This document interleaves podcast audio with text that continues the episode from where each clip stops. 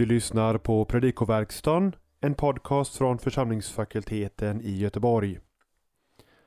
Innan du får lyssna på Daniel Johanssons genomgång av kommande söndags evangelietext vill jag flagga för våra böcker. Vi har två nyutkomna böcker. Det är den nya småskriften i FFG småskriftserie Som ett träd planterat vid vattenbäckar om bibelsyn och bibelglädje som Torbjörn Johansson har skrivit. Den kostar 50 kronor. Och det handlar om nyutgåvan av Bengt Hägglunds bok Kunskapsteori och metafysik i teologin. En idéhistorisk tillbakablick. Båda har getts ut på församlingsfakultetens bokförlag Pro Veritate. Mer information om dessa böcker och om hur du köper dem gå in på vår hemsida www.ffg.se Där finns också alla andra böcker som getts ut och kanske hittar du där något julklappstips. Vi är ju i sådana tider nu. Se och undersök om det inte kan finnas något att köpa för att ge vidare till andra. Men nu Daniel Johanssons genomgång av kommande söndags evangelietext. God lyssning. Tredje årgångens evangelium för kyrkoårets sista söndag kommer från Matteus 13.47-50, liknelsen om fisknätet. Det här är den sista av sju liknelser i det stora liknelsekapitlet i Matteus 13, som samtidigt är det tredje av de fem stora talen i evangeliet. Den avslutande liknelsen har stora likheter och i hög grad samma budskap som den andra i kapitel 13, nämligen liknelsen om ogräset. Men innan vi går in på detta så tar vi en närmare titt på grundtexten. Pallin homoja estinhe basileia ton oranon. Åter himlarnas rike är likt. Den här satsen är identisk med inledningen till föregående liknelse om pärlan och bortsett från eh, eh, med undantaget från adverbet pallin så är den identisk också med inledningarna till liknelserna om senapskornet, surdegen och skatten. Innebörden i frasen är väl denna. Himmelriket kan jämföras med vad som händer när en not kastas i sjön. Det är något liknadsvid står i dativ, vilket eh, sagene och de följande participen i versen gör. Ett sagene är en stor not, ett fisknät som dras. Kanske man kan använda dragnät på svenska. Antingen drogs den här typen av nät mellan två båtar eller mot land med två rep efter att ha släppts ner i vattnet eller kanske möjligen också kastats ut i vattnet. De två auristparticipen bletheise kastas och synagagose samla. De ger båda bakgrundsinformation till huvudverbet eplerothe blivit fullt som kommer i nästa sats. Frasen ekpantos genos av alla slag eller alla sorter underförstår fisk som vi väl måste lägga till i översättning.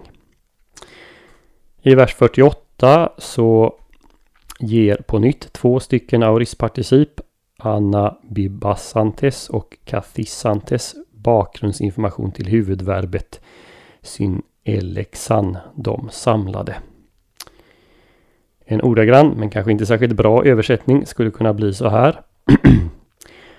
Återigen, himmelriket är likt ett dragnät som efter att ha kastats i sjön och som efter att ha samlat fisk av alla slag, vilket när det blivit fullt, de, det vill säga fiskarna, de efter att ha dragit det till stranden och satt sig samlade de goda i fiskkorgar men de ruttna kastade de bort. I vers 39 sedan möter vi frasen Hotos estai ente sinteleia to aionos så ska det vara vid tidsålderns slut. Exakt samma fras förekommer i Matteus 13.40 i förklaringen till liknelsen om ogräset, ogräset i åkern. Frasen Te synteleia to aionos återkommer också i evangeliets sista vers. I slutet av vers 49 noterar vi att de svenska översättningarna hoppat över ordet messos, mitt. Änglarna ska skilja de onda från de rättfärdigas mitt, står det ordagrant. vers 50. Ten kaminon topiros. Genitiven topiros är deskriptiv eller adjektivisk. Det är en mycket vanlig typ av konstruktion på hebreiska och arameiska. För samma uttryck så kan man jämföra med Daniel 3.6, vers 11 och flera följande verser i Daniel 3. Alltså eldens ugn eller eldens kamin, vilket är detsamma som brinnande ugn, brinnande kamin. Nestlalan 27 kursivera kai balusin autos eis ten kaminon. Som om det vore ett citat ifrån Daniel 3.6. Ordalydelsen är nästan identisk men det är troligen inte fråga om mer än att en biblisk fras, ett sätt att uttrycka sig, har lånats från Daniel. På samma sätt som vi ibland kan använda bibliska eller andra kända fraser i dagligt tal utan att därmed ha avsikten att det vi säger ska tolkas i ljuset av det ursprungliga sammanhanget. Till sist H. Klauthmos, Kai H. Brygmos, Ton Odonton gråt och tändes gnissel eller skärande. Detta uttryckssätt förekommer ofta i Matteus. I Matteus 8, 12, 13, 42, 50, 22, 13, 24, 51 och 25, 30. Möjligen så är detta uttryck inspirerat av Saltaren 112, 10. De här ställena och fler bibelställen och annat finns i pdfen till den här podden på FFGs hemsida. Texten är delad i två delar. Först berättas liknelsen i vers 47-48 och sedan följer en förklaring i vers 49 och 50.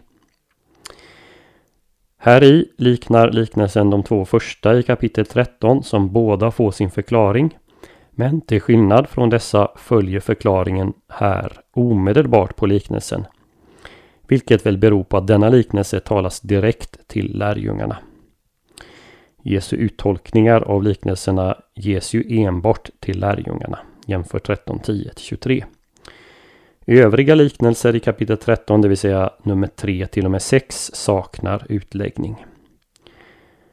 Man bör också lägga märke till att Jesus omedelbart efter liknelsen om dragnätet frågar om lärjungarna har förstått och de svarar ja. Huvudpoängen i liknelsen är att de onda till sist kommer att skiljas från de rättfärdiga och få sitt rättmätiga straff. Notera att i Jesu förklaring ligger hela fokus enbart på de ondas öde.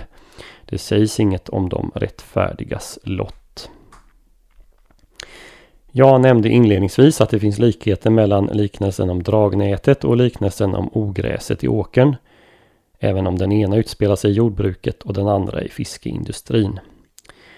Båda liknelsernas förklaring introduceras på exakt samma sätt. Så ska det vara vid tidsålderns slut.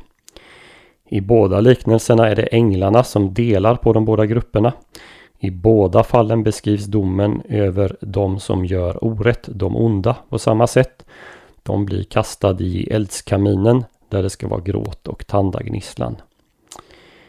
Och vidare, i båda liknelserna uppmuntrar Jesus de misströstande och nedslagna lärjungarna genom att peka på tidens slut då de och deras gärning ska bli rättfärdigad.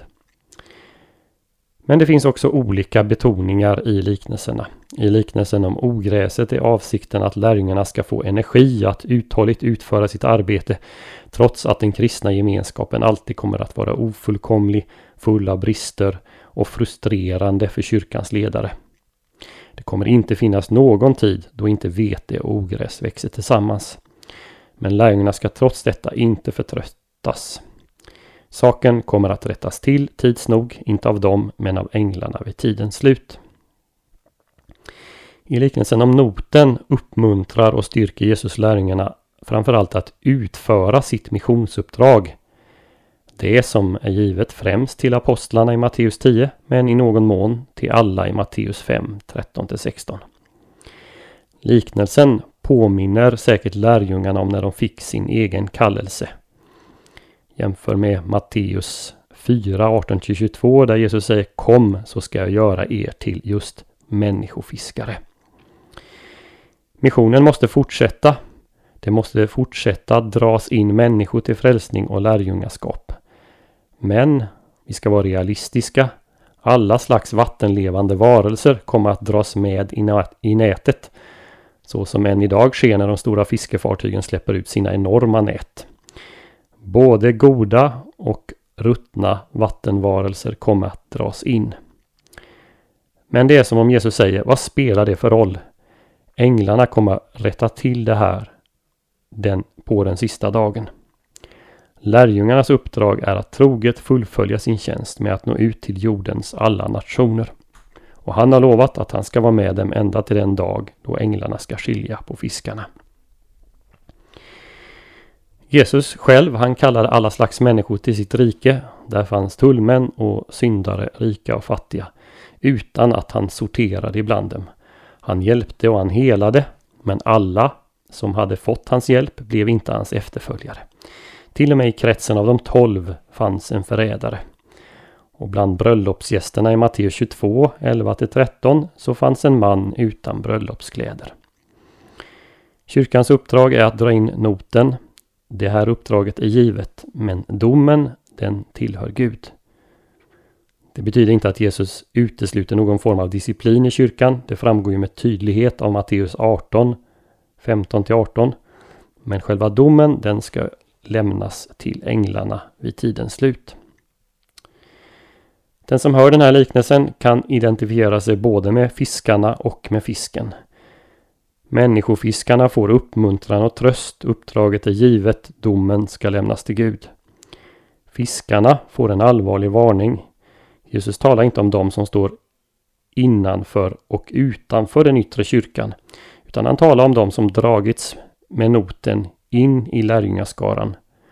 Om dem som finns i det rättfärdigas mitt, som saken uttrycks. Att tillhöra lärjungaskaran är ingen garanti för att man når det fullkomliga gudsriket vid tidens slut. Jesus kommer med en varning. Kom ihåg den annalkande domen. Det gäller då att vara bland de fiskar som Herren dömer rättfärdiga i domen. Du har lyssnat på ett avsnitt i Predikoverkstan från församlingsfakulteten. För att stödja FFG och för Predikoverkstans verksamhet ge en swishgåva på nummer 123 100 8457 eller på annat sätt som finns beskrivet och angivet på hemsidan www.ffg.se. På hemsidan hittar du också information om aktuell verksamhet och resurser som det är fritt att ladda ner och ta del utav.